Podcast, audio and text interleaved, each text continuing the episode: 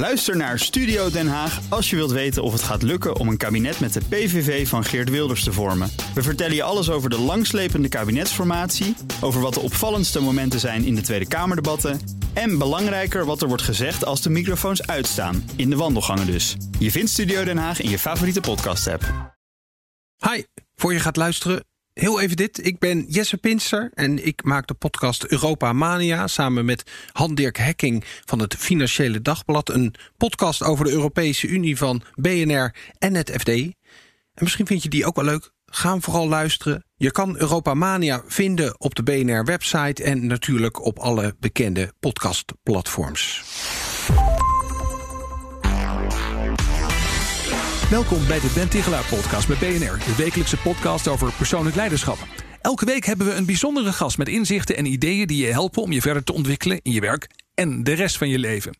Mijn naam is Ben Tichelaar en mijn gast in deze aflevering is hoogleraar psychologie Mark van Vught. Mark, welkom. Hallo, hallo Ben. Ja, ontzettend leuk dat je er bent. Je bent hoogleraar aan de Vrije Universiteit, maar ook, en dat is best bijzonder, verbonden aan de Universiteit van Kent en van Oxford. Nou, iedereen wil doseren aan Oxford, denk ik toch, in jouw vak of niet? Um, ja, dat uh, denk ik wel. Sommigen wel. Maar ja. het is wel een hele aparte uh, ecologie. Uh, Oxford met de colleges en ja.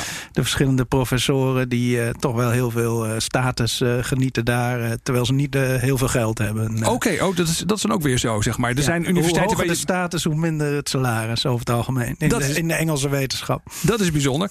Hoe ben je daar zo terechtgekomen? Even tussendoor, hoor. we zijn nog niet echt begonnen. Maar ik vind het wel interessant. Hoe ben jij zo in Oxford terechtgekomen als hoogleraar? Ik, ben, ik ben trouwens geen hoogleraar in Oxford, maar onderzoeker. Okay. Ik ben verbonden, ja, verbonden aan de afdeling Politics and International Relations. En ik heb heel, veel, heel lang in Engeland gewoond. Ik heb uh, van 1995 tot 2010 uh, in Engeland uh, gewoond en gewerkt. Ja. Aan verschillende universiteiten. En toen ik terugkwam naar Nederland was deze mogelijkheid om een affiliatie aan de Universiteit van Oxford te krijgen. Omdat ik samenwerk met verschillende mensen. Onder andere naar politieke psychologie en op ja, de evolutie van stemgedrag op leiders bijvoorbeeld. Oké. Okay zodoende ben ik daar uh, terechtgekomen. En uh, af en toe ga ik daar naartoe om uh, met name aan masterstudenten wat college te geven. Leuk, ja, bijzonder en ook heel verrijkend, denk ik. Waar je heel bekend door bent geworden, in ieder geval bij een breder publiek ook in Nederland, is dat je door de bril van evolutionaire psychologie kijkt naar onderwerpen als werk en leiderschap. Nou, daarnaast de talloze wetenschappelijke artikelen, maar ook columnist voor Trouw, auteur van populair wetenschappelijke boeken zoals De Natuurlijke Leider en Mismatch heb je samen met Ronald Gippert geschreven. Zo grappig, je doet heel veel verschillende dingen eigenlijk, hè? Uh, ja, maar wel uh, rondom een centraal thema. En dat is natuurlijk uh, hoe wij door een evolutionair of Darwinistische bril naar het gedrag van mensen kijken in organisaties. Ja, oké, okay, daar gaan we het over hebben. Um, maar toch eventjes bij jouzelf als persoon beginnen. je hebt heel veel dingen bestudeerd op het gebied van nou ja, hoe wij ons tot ons werk verhouden. En ook zeg maar hoe dingen vaak dan niet helemaal goed lukken. Wat heb je nou op een gegeven moment ontdekt waarvan je zegt: hé, hey, meneer Van Vught, dat moet je zelf ook gaan gebruiken? Ja, prachtig. Ja, en uh, inzicht wat ik heb gekregen is eigenlijk door het lezen van uh, het werk van mijn intellectuele held uh, Charles Darwin. Ja. Charles Darwin had de Golden Rule. En de Golden Rule is elke keer als hij iets vond wat tegen zijn evolutietheorie inging, dan maakte hij daar een notitie van. Dat schreef okay. hij op, omdat hij wist dat mensen eigenlijk geneigd zijn alleen maar te geloven in bewijzen voor hun stelling. En de rest vergeten ze eigenlijk uh, soms uh, bewust, maar vaak ja. ook onbewust. Dus hij dacht, elke keer als ik iets zie wat in strijd is met mijn gedachte dat uh, dieren zich gericht zijn op voortplanting en overleving. Elke keer als ik iets zie wat in tegenstelling daartoe is, dan maak daar notitie van. Boeiend. En zo kwam hij met, op een gegeven moment met een notitie over uh, de powerstaart. En dacht, hé, hoe kan zo'n uh, prachtige, uh, kleurrijke powerstaart, hoe kan dat nou overleven? Want dat is een mhm. heel gewicht om achter je mee te torsen. Nou, dat schreef hij op. Daar bedacht hij later weer een verklaring voor. En dat heb ik eigenlijk wel overgenomen in mijn eigen wetenschappelijke werk. Van, Oké. hey, um, je kunt wel allerlei bewijzen voor je stelling aanvoeren, maar kijk nou eens naar de andere kant. Okay. Vind je ook bewijzen tegen jouw theorie of tegen datgene wat je gevonden hebt? Schrijf dat op en maak daar misschien iets, uh, iets moois van. Wat is iets wat je recent hebt opgeschreven? Ja, het mooiste voorbeeld is uh, alweer enkele jaren geleden. Maar ik was er altijd van uitgegaan dat uh, bijvoorbeeld bij man-vrouw verschillen. Mannen agressiever zijn dan vrouwen. Ja. Nou, dat klopt natuurlijk ook wel zo'n beetje als het gaat om fysieke agressie. Maar onder mannen is ook ontzettend veel broederschap. Ja. mannen spelen in voetbalteams samen, mannen vechten in het leger samen. Kamera kameraadschap, hè? dat is een mooie woord ervoor. Ja. ja.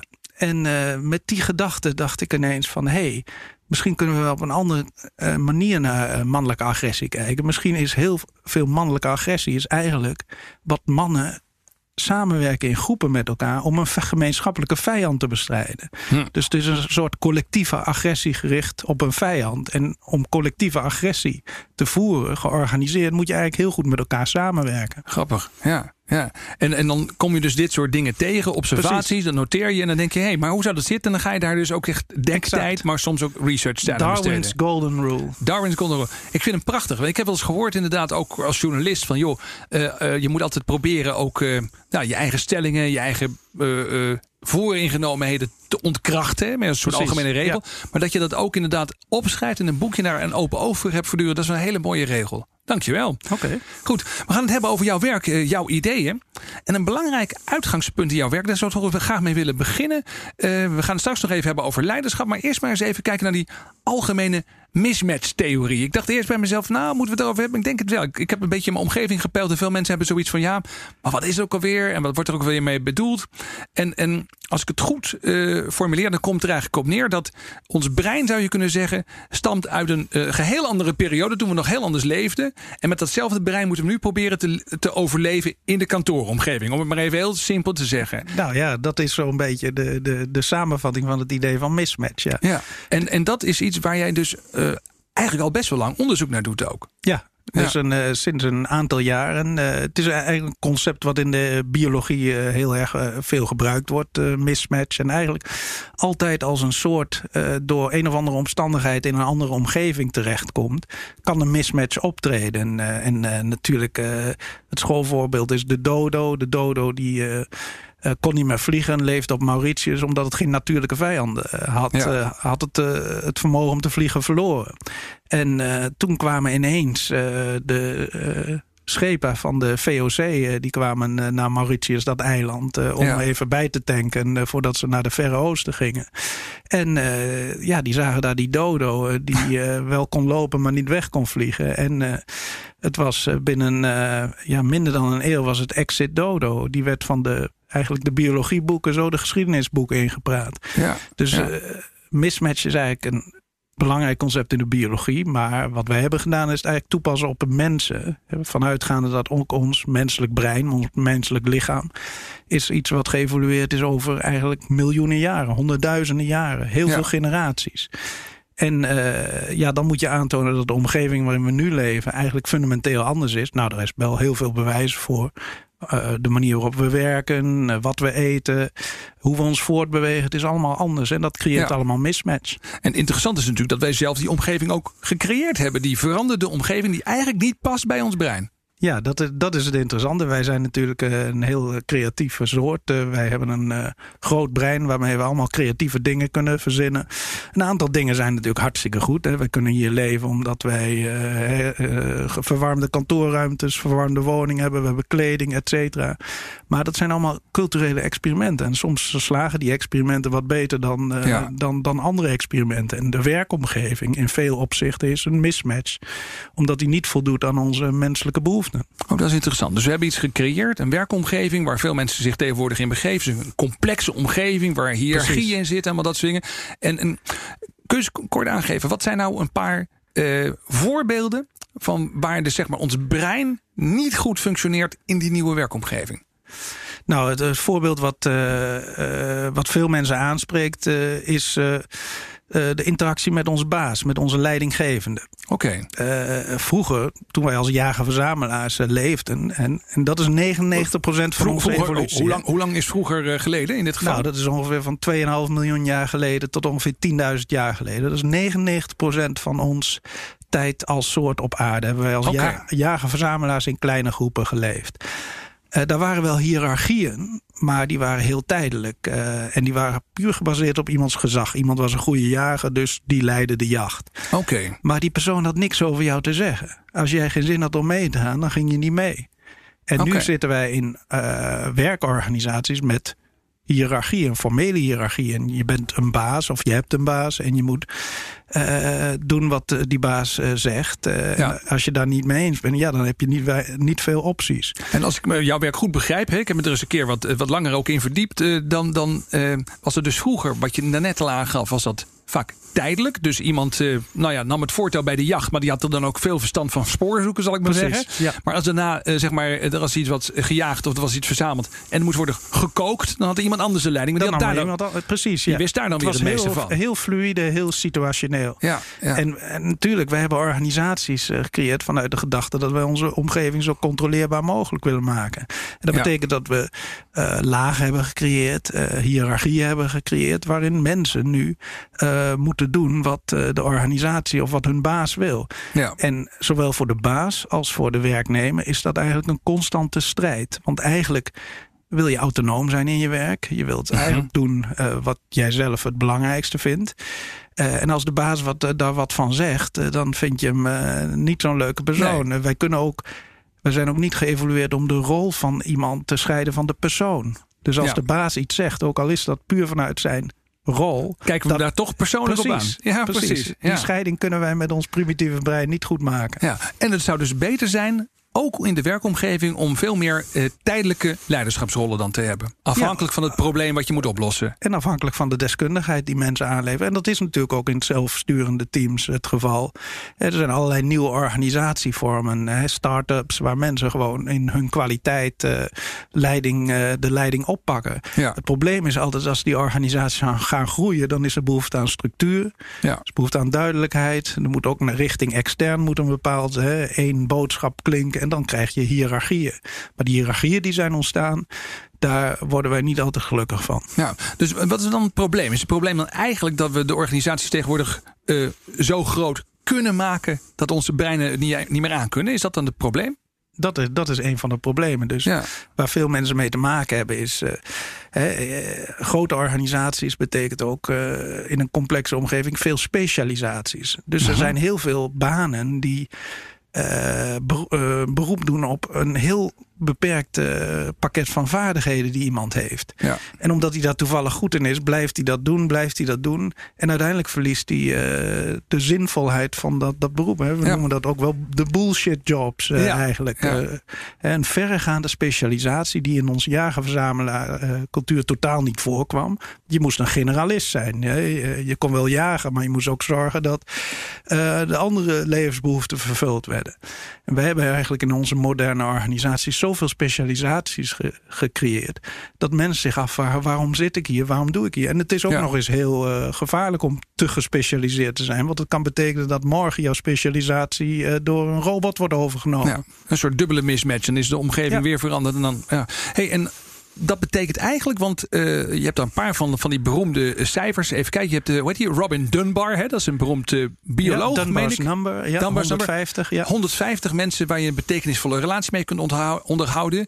Uh, dat hoor je dan wel eens. Um, en andere, oh ja, vroeger had je BSO, hè, Eckhart Winsen, die zei: We willen cellen hebben van niet meer dan 50 medewerkers.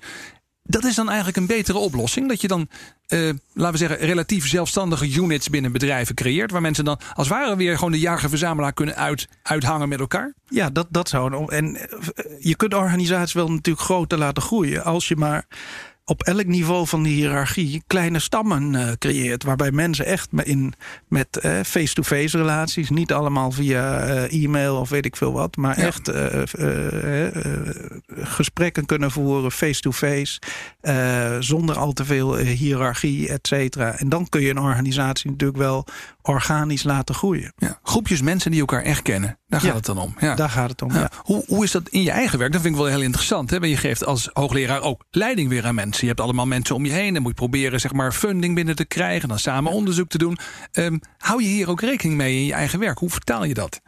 Ja, dus uh, hè, bij ons ligt ook de heel, veel, heel veel nadruk op, op team science. Hè. Dat uh, betekent dat je uh, mensen met verschillende expertises bij elkaar zet om gezamenlijk problemen aan te pakken. En dat is ook steeds meer interdisciplinair. Maar het uitgangspunt is toch wel menselijk contact. Het is heel moeilijk om een vertrouwensrelatie eh, te creëren en een diepe samenwerking met iemand die je nooit persoonlijk hebt gezien, waar je nooit een eh, borrel mee hebt gedronken, uh, et cetera. Vandaar dat hè, de internationale congressen natuurlijk ook heel belangrijk zijn om elkaar gewoon persoonlijk te spreken. Ja.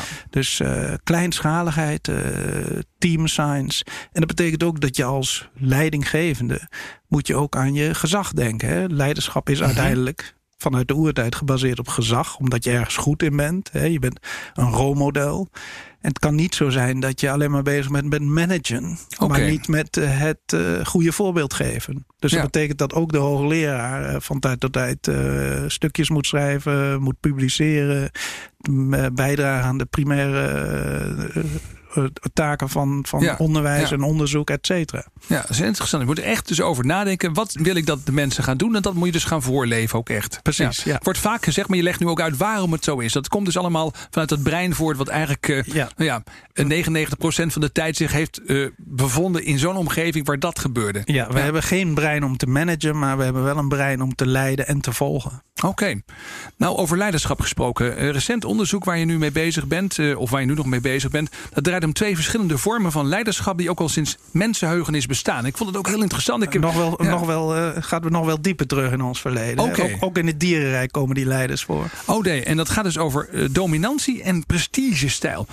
Dat moet je even uitleggen, want dit is een, een, soort evolutionaire blik op leiderschap en over verschillende rollen die er zijn. Niet alleen dus bij mensen, maar ook bij dieren. Ook bij dieren. Ja. mensen zijn natuurlijk ook dieren. Ja. Maar uh, ja, dus, uh, het onderscheid wat gemaakt wordt is uh, leiderschap op basis van macht of op basis van gezag. Dat zijn eigenlijk de twee okay. smaken die er zijn. Macht, dat is dan die dominantiestijl? Macht is dominantie en, en gezag is de prestige. Ja. Oké, ja.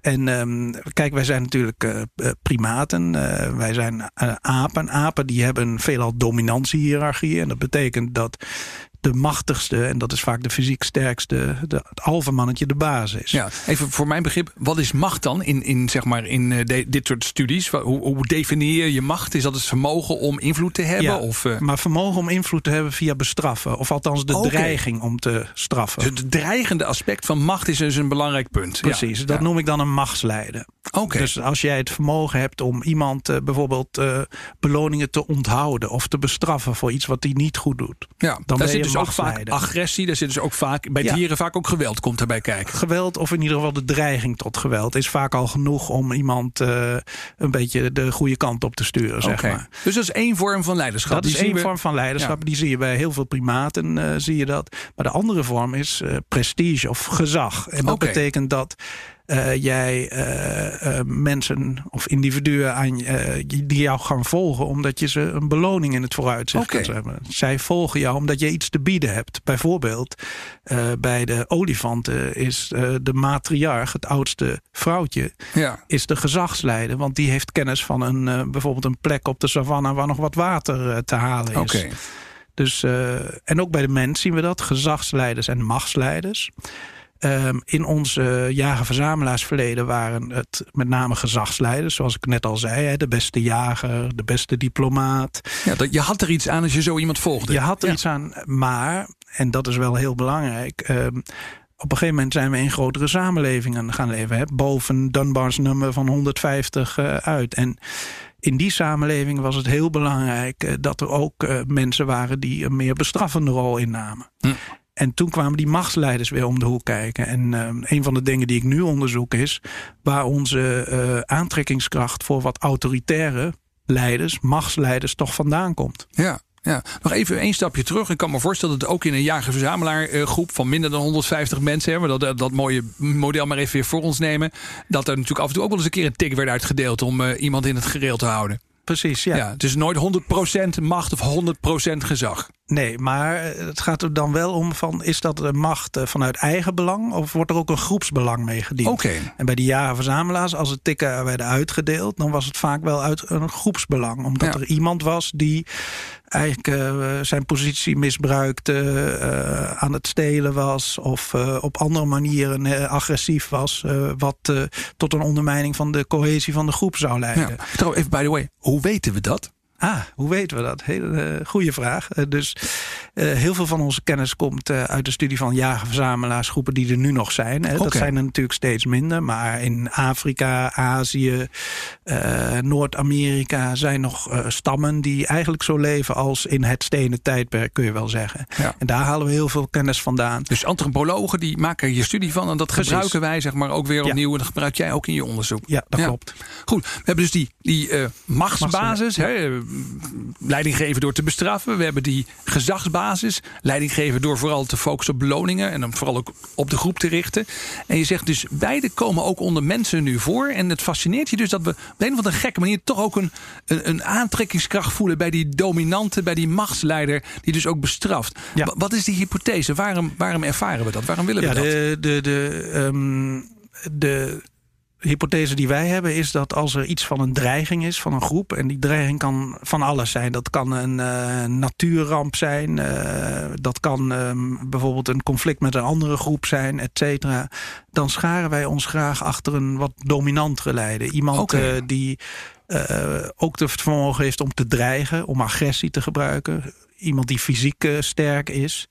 En um, ja, die krijgt dan uh, veel steun en die krijgt dan uh, de mogelijkheid om leiding te geven aan een groep. Alleen, en dat is wel een tragedie natuurlijk van de moderne tijd, en dat is ook weer die mismatch.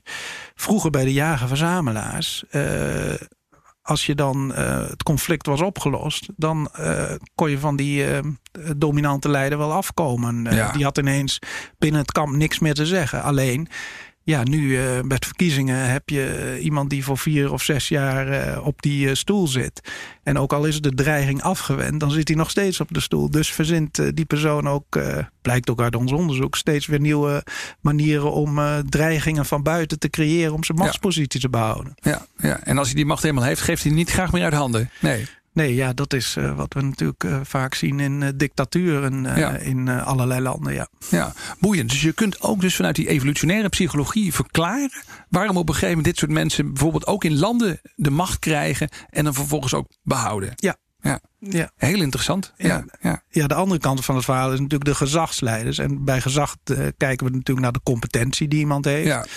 En uh, dat is natuurlijk ook in de moderne tijd ook wel wat lastig te zien. Want je kunt wel iemand aanstellen als leider vanwege een bepaalde competentie of expertise. Maar die kan ook wel heel snel verouderd zijn. Ja. En dan is de vraag van wat, wat doe je dan met iemand die op basis van zijn kennis of haar kennis een positie uh, van invloed heeft gecreëerd. En ineens is die kennis uh, niet meer relevant. Wat ja. doe je met zo iemand? Ja. Dus dat is ook een belangrijke vraag.